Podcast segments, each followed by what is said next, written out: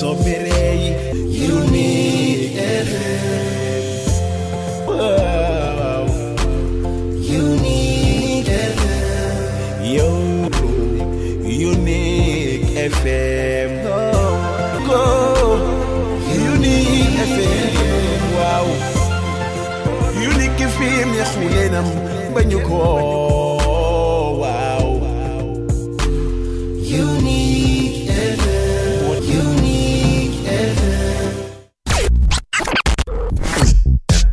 कति बज्यो हँ? Can anybody tell me the time? कति बज्यो अहिले बेलुकीको ठिक पाँच बजेको छ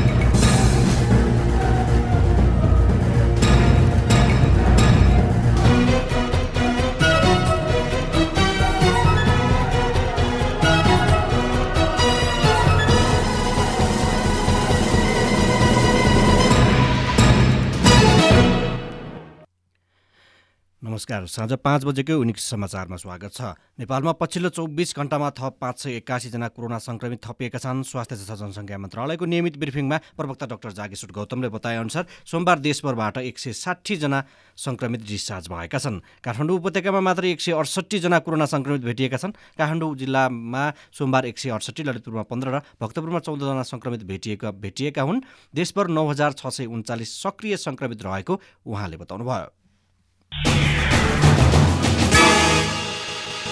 नेपाल कम्युनिस्ट पार्टी नेकपाको सचिवालय बैठक लगतै बालुवाटारमा सत्तारूढ र प्रतिपक्षी नेताबीच सम्वाद भएको छ। नेकपा नेकपाका अध्यक्ष तथा प्रधानमन्त्री केपी शर्मा ओली र अर्का अध्यक्ष पुष्पकमल दाहाल तथा नेपाली काङ्ग्रेसका सभापति शेरबहादुर देउबीच छलफल भएको हो। नेकपाले संवैधानिक आयोग र विश्वविद्यालयमा रिक्त पद पूर्तिका लागि छलफल गर्न प्रमुख प्रतिपक्षी दलका नेतालाई बोलाइएको थियो। बालुवाटारमा भएको छलफलमा देउबाले सुरुमै सिन्धुपाल्चोकको पहिरो कोरोनाको संक्रमण जोखिम र विश्वविद्यालयमा रिक्त पद पूर्तिमा ध्यान नदिएको भन्दै प्रधानमन्त्री ओलीको ध्यान आकर्षण गराउनुभयो। सिन्धुपाल्चोकको लिदीको स्थानीयले दस दिन अघि पनि राज्यसँग गुहार मागिरहेका छन्। तिनलाई तत्कालै सुरक्षित स्थानमा सार्ने काम सरकारले किन गरेन भन्दै सभापति देउबाले प्रधानमन्त्रीसँग प्रश्न गर्नुभयो। सरकारले जनताको जीवधनको विषयमा पनि ध्यान नदिएको देउबाको आरोप छ। उहाँले देशको अन्य क्षेत्रमा पनि बाढी पहिरोले पुर्याएको क्षतिबारे सरकारले ध्यान नदिएको भन्दै तत्काल राहतको व्यवस्था गर्नुपर्नेमा जोड दिनुभएको छ। ऊर्जा जलस्रोत तथा सिँचाइ मन्त्री वर्षमान पुन अनन्तले नेपाल विद्युत प्राधिकरण देशले गर्व गर्न लायक सार्वजनिक संस्थाका रूपमा स्थापित भएको बताउनु भएको छ। नेपाल विद्युत प्राधिकरण सञ्चालक समितिका अध्यक्ष समेत रहनुभएका मन्त्री पुनले पछिल्लो समय प्राधिकरणले आफूलाई नाफामुखी मात्र नभई सेवामुखी संस्थाका रूपमा स्थापित गर्न सकेकोमा खुसी व्यक्त गर्नुभयो। प्राधिकरणको चुस्त र सुदृढ व्यवस्थापन एवं कार्यक्षमता सुधारका कारण इतिहासमै सबैभन्दा बढी सञ्चालन मुनाफा आय आर्जन गर्न सफल भएको उहाँले बताउनुभयो। घरेलु ग्राहकको विद्युत महसुल घटाउन सफल भएको तथा मासिक दस युनिटभन्दा कम विद्युत खपत गर्ने करिब आठ लाख विपन्न ग्राहकलाई पूर्ण रूपमा विद्युत महसुलबाट छुट दिएको मन्त्री पुनले स्पष्ट गर्नुभयो। मन्त्री पुनले प्राधिकरणले ऊर्जा जल स्रोत तथा सिँचाइ मन्त्रालयको योजना तथा नीतिहरूलाई आफ्नो केन्द्रीय योजना तथा सञ्चालन प्रक्रियामा समावेश गरेर कार्यान्वयन गरी नेपाल सरकारको समृद्ध नेपाल सुखी नेपाली अभियानमा सहयोग पुर्याएको दावी गर्नुभएको छ। कोरोना भाइरस समुदायमा फैलिने सङ्केत देखिएपछि कर्णाली प्रदेश सरकारले आजदेखि कर्णाली प्रदेशमा कडाई गरेको छ। सबैभन्दा धेरै प्रभावित कर्णालीका दैलेख र सुर्खेत जिल्लामा समुदाय स्तरमा पुगेर स्वाब परीक्षण गर्दा केही व्यक्तिमा कोरोना पोजिटिभ देखिएपछि नाकामा कडाई गरिएको हो। कोरोना सङ्क्रमणको जोखिमलाई मध्यनजर गर्दै नाकामा कडाई गरिएको सामाजिक विकास मन्त्री दल रावलले बताउनुभयो कर्णाली आउनेले नाकामा पुग्नु तिन दिन अघिको कोरोना नेगेटिभ पिसिआर रिपोर्ट दिनुपर्ने व्यवस्था गरिएको मन्त्री रावलले जानकारी दिनुभयो पछिल्लो समय लकडाउन खुकुलो भएसँगै समुदायमा कोरोना सङ्क्रमण फैलिने सम्भावना देखिएको भन्दै उहाँले कर्णाली बाहिरका केही ठाउँमा लक्षणसहितको कोरोना देखिएपछि पनि यहाँ त्यो अवस्था आउने जोखिमलाई मध्यनजर गर्दै नाकामा कडाई गरिएको बताउनुभयो। र नेपाल भारतबीच संयुक्त अनुगमन संयन्त्र जोइन्ट ओभरसाइट मेकानिजमको आज काठमाडौँमा भिडियो संवाद भएको छ। बैठकमा दुवै पक्षले भारतीय सहयोग अन्तर्गत विकास परियोजनाहरूको प्रगतिको समीक्षा गरेका छन्। सन् दुई हजार सोह्रमा भारतले सहयोग गरेका विभिन्न परियोजनाको प्रगति अनुगमन गर्न बसेको बैठक संयन्त्रमा नेपाल सरकारका विभिन्न मन्त्रालय विभाग र एजेन्सीका प्रतिनिधि भारतीय राजदूतावासका अधिक अधिकारीहरू परामर्शदाता र परियोजना कार्यान्वयनमा रहेका ठेकेदारहरू उपस्थित थिए। भिडियो संवादको नेतृत्व नेपालको तर्फबाट परराष्ट्र सचिव शङ्कर दास बैरागी र भारतको तर्फबाट नेपालका लागि भारतीय राजदूत विजय मोहन क्वात्राले गर्नुभएको हो। झन्डै तीन महिनापछि दुई पक्षबीच पहिलो पटक औपचारिक वार्ता भएको हो। दुवै पक्षबीच भारत सरकारको सहयोगमा आर्थिक र विकास सहयोग परियोजनाहरू कार्यान्वयनमा कार्यान्वयनमा भएको प्रगतिको समीक्षा गर्न पारस्परिक सुहाउँदो मितिमा पर्यवेक्षण संयन्त्रको अर्को बैठक गर्ने कुरामा सहमति भएको छ।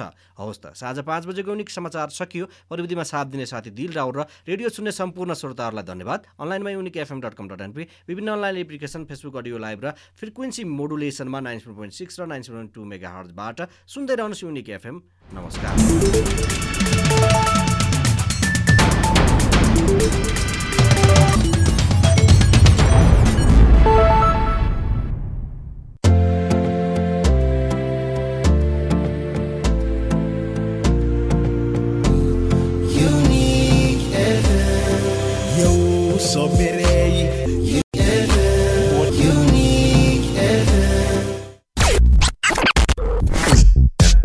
कति बज्यो हँ Can anybody tell me the time? कति बज्यो अहिले बेलुकीको ठिक पाँच बजेको छ।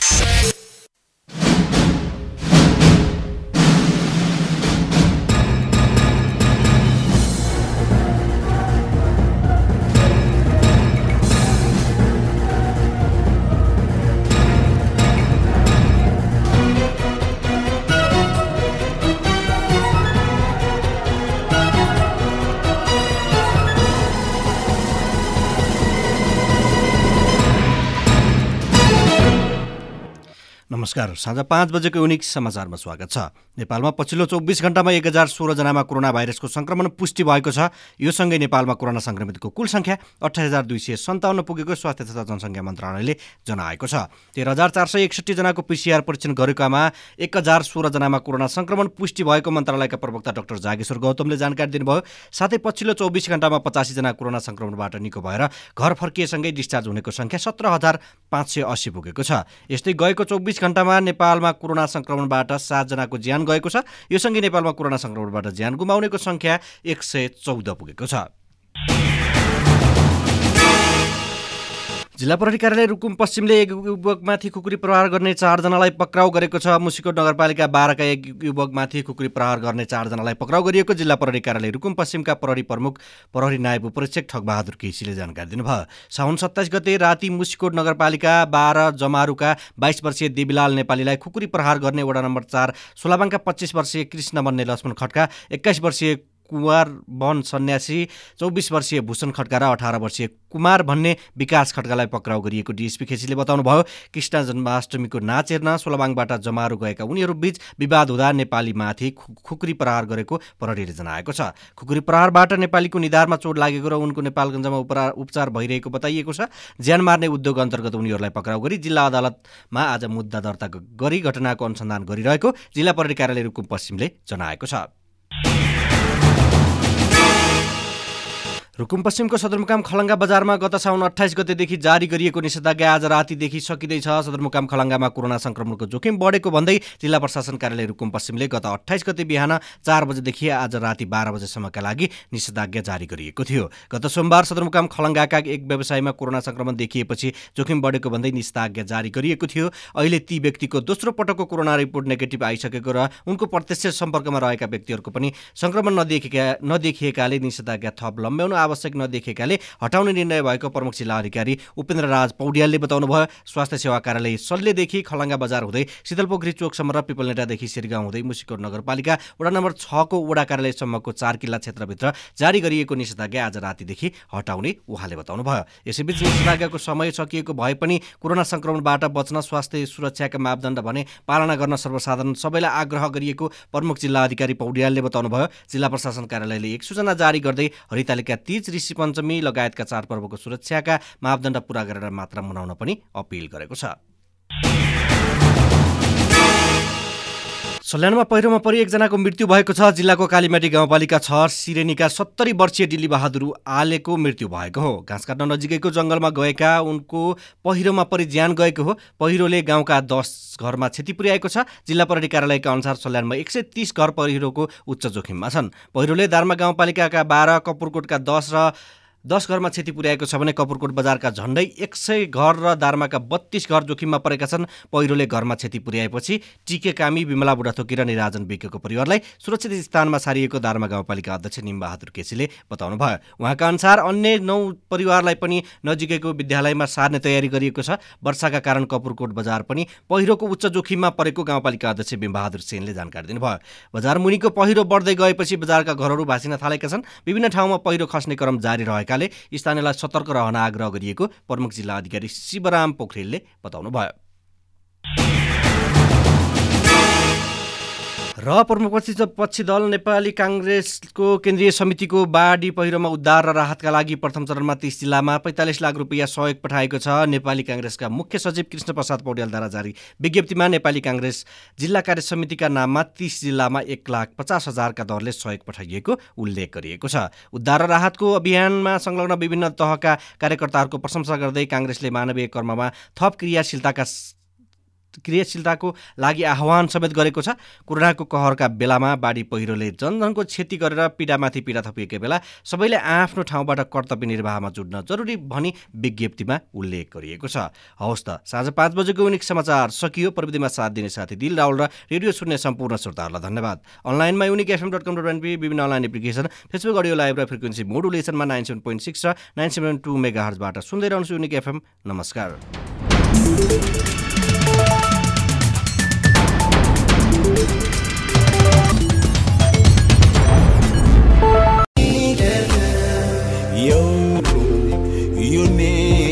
FM. Go, go, Unique FM. Wow. Unique FM, yes, we them when you call. Wow. Unique FM. Unique FM. What the you. Can anybody tell me the time? What the was you? अहिले बेलुकीको ठिक पाँच बजेको छ।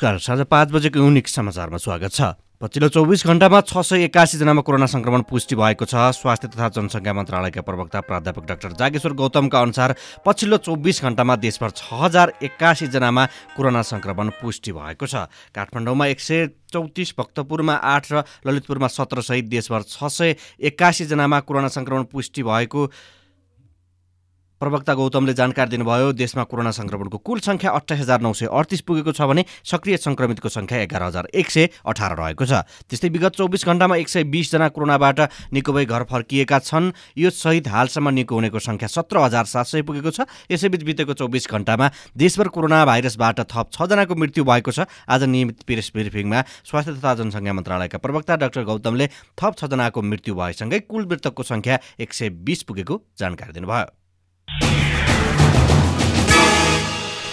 रुकुम पूर्वको सिस्ने गाउँपालिका छका वडा अध्यक्ष सुदन रेग्मीले एक विपन्न घर परिवारलाई नगद सहयोग गर्नुभएको छ। वडा अध्यक्ष रेग्मीले रुकुम पश्चिम सानीभेरी गाउँपालिका एघार काफल बोर्ड स्थित रोका डेराका पदमसिंह रोकाको परिवारलाई पाँच हजार दुई सय रुपियाँ नगद सहयोग गर्नुभएको हो। छानेबेरी गाउँपालिकाका गाउँपालिका दुईका वडा अध्यक्ष नरबहार पुन र स्थानीय बुद्धिजीवी भूपाल सिंह ओली मार्फत वडा अध्यक्ष रेग्मीले आज स्वैच्छिक रूपले पाँच हजार रुपियाँ सह नगद सहयोग गर्नु हस्तान्तरण गर्नुभएको छ। पदमसिंह रोकाको घर परिवार अति विपन्न र रोकाको श्रीमती मानसिक अपाङ्ग रहेको र साँझ बिहान छाक टार्न मुस्किलको अवस्था रहेको भन्ने खबर सुनेपछि मन थाम्न नसके आफूले सकेको सानो सहयोग गरेको वडा अध्यक्ष रेग्मीले बताउनुभयो। विपन्न रोकाको परिवारमा रोका र मानसिक अपाङ्ग भएकी श्रीमती मात्रको परिवार रहेको बताइएको छ। हाल घर नभएकोले सामान्य छाप्रोमा बसिरहनु भएको छ। सानीबेरी एघार वडा कार्यालय र स्थानीय समाजसेवीको सहयोग समाजसेवीको सहयोग अपिलबाट दुई कोठे घर निर्माण भइसकेको छ। चालु आर्थिक वर्षको पैँतिस दिनमा सरकारले एकसट्ठी अर्ब सडतिस करोड रुपियाँ राजस्व सङ्कलन गरेको छ। महालेखा नियन्त्रकका कार्यालयका अनुसार साउन एक गतेदेखि बुधबार तिन गतेसम्म एक एकसट्ठी अर्ब सडतिस करोड रुपियाँ राजस्व सङ्कलन र अन्य शीर्षकमा आठ अर्ब बाह्र करोड रुपियाँ आम्दानी भएको छ। समग्रमा पैँतिस दिनमा उनासत्तरी अर्ब पचास करोड रुपियाँ आम्दानी भएको महालेखा नियन्त्रकको कार्यालयले जनाएको छ। सरकारले चालु आर्थिक वर्षको लागि आठ खर्ब उनानब्बे अर्ब बैसठी करोड रुपियाँ राजस्व सङ्कलनको लक्ष्य राखेको छ। तर प्रदेश र पालिकाको एक खर्ब बाइस अर्ब रुपियाँ समेत जोड्दा सरकारले कुल राजस्वको लक्ष्य दस खर्ब एघार अर्ब पचहत्तर करोड रुपियाँ हुन आउँछ। यस्तै सरकारले चालु आर्थिक वर्षमा साठी अर्ब बाहन्न करोड रुपियाँ अनुदान प्राप्त गर्ने लक्ष्य राखेको छ। राष्ट्रकवि माधव प्रसाद घिमिरेको राष्ट्रिय सम्मानका साथ अन्त्येष्टि गरिएको छ। मङ्गलबार काठमाडौँको लैनचौर स्थित निवासमै निधन भएका घिमिरेलाई आज पशुपति आर्यगढमा अन्त्येष्टि गरिएको हो। राष्ट्रकविको सम्मान स्वरूप नेपाली सेनालेको एक टुकडीले सलामी अर्पण गरेको थियो। स्वर्गीय राष्ट्रकवि घिमिरेलाई शुभेच्छुक शुभचिन्तुक आफन्त र साहित्यकार लगायतका व्यक्तित्वहरू आज बिहान उहाँकै निवास लैनचौर पुगेर श्रद्धाञ्जली अर्पण गरेका थिए। विक्रम सम्मत उन्नाइस सय छत्तर असोज सात गते लमजुङको पुस्तुनमा जन्मिएका राष्ट्रकवि घिमिरेको हिजो साँझ पाँच बजेर पचपन्न मिनटमा निधन भएको थियो।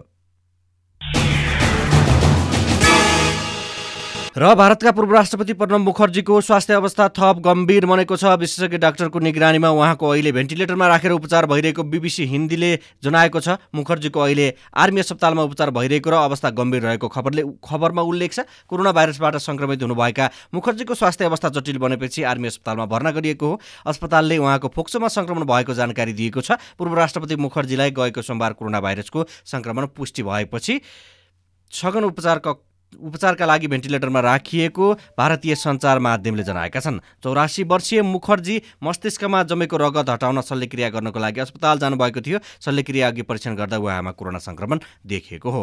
हवस् त साँझ पाँच बजेको युनिक समाचार सकियो। प्रविधिमा साथ दिने साथी दिल राहुल र रेडियो सुन्ने सम्पूर्ण श्रोताहरूलाई धन्यवाद। अनलाइनमा unique FM dot com dot NP विभिन्न online application Facebook audio live र फ्रिक्वेन्सी मोडुलेसनमा नाइन सेभेन पोइन्ट सिक्स र nine seven point two mega हर्जबाट सुन्दै रहनुहोस् युनिक एफएम नमस्कार।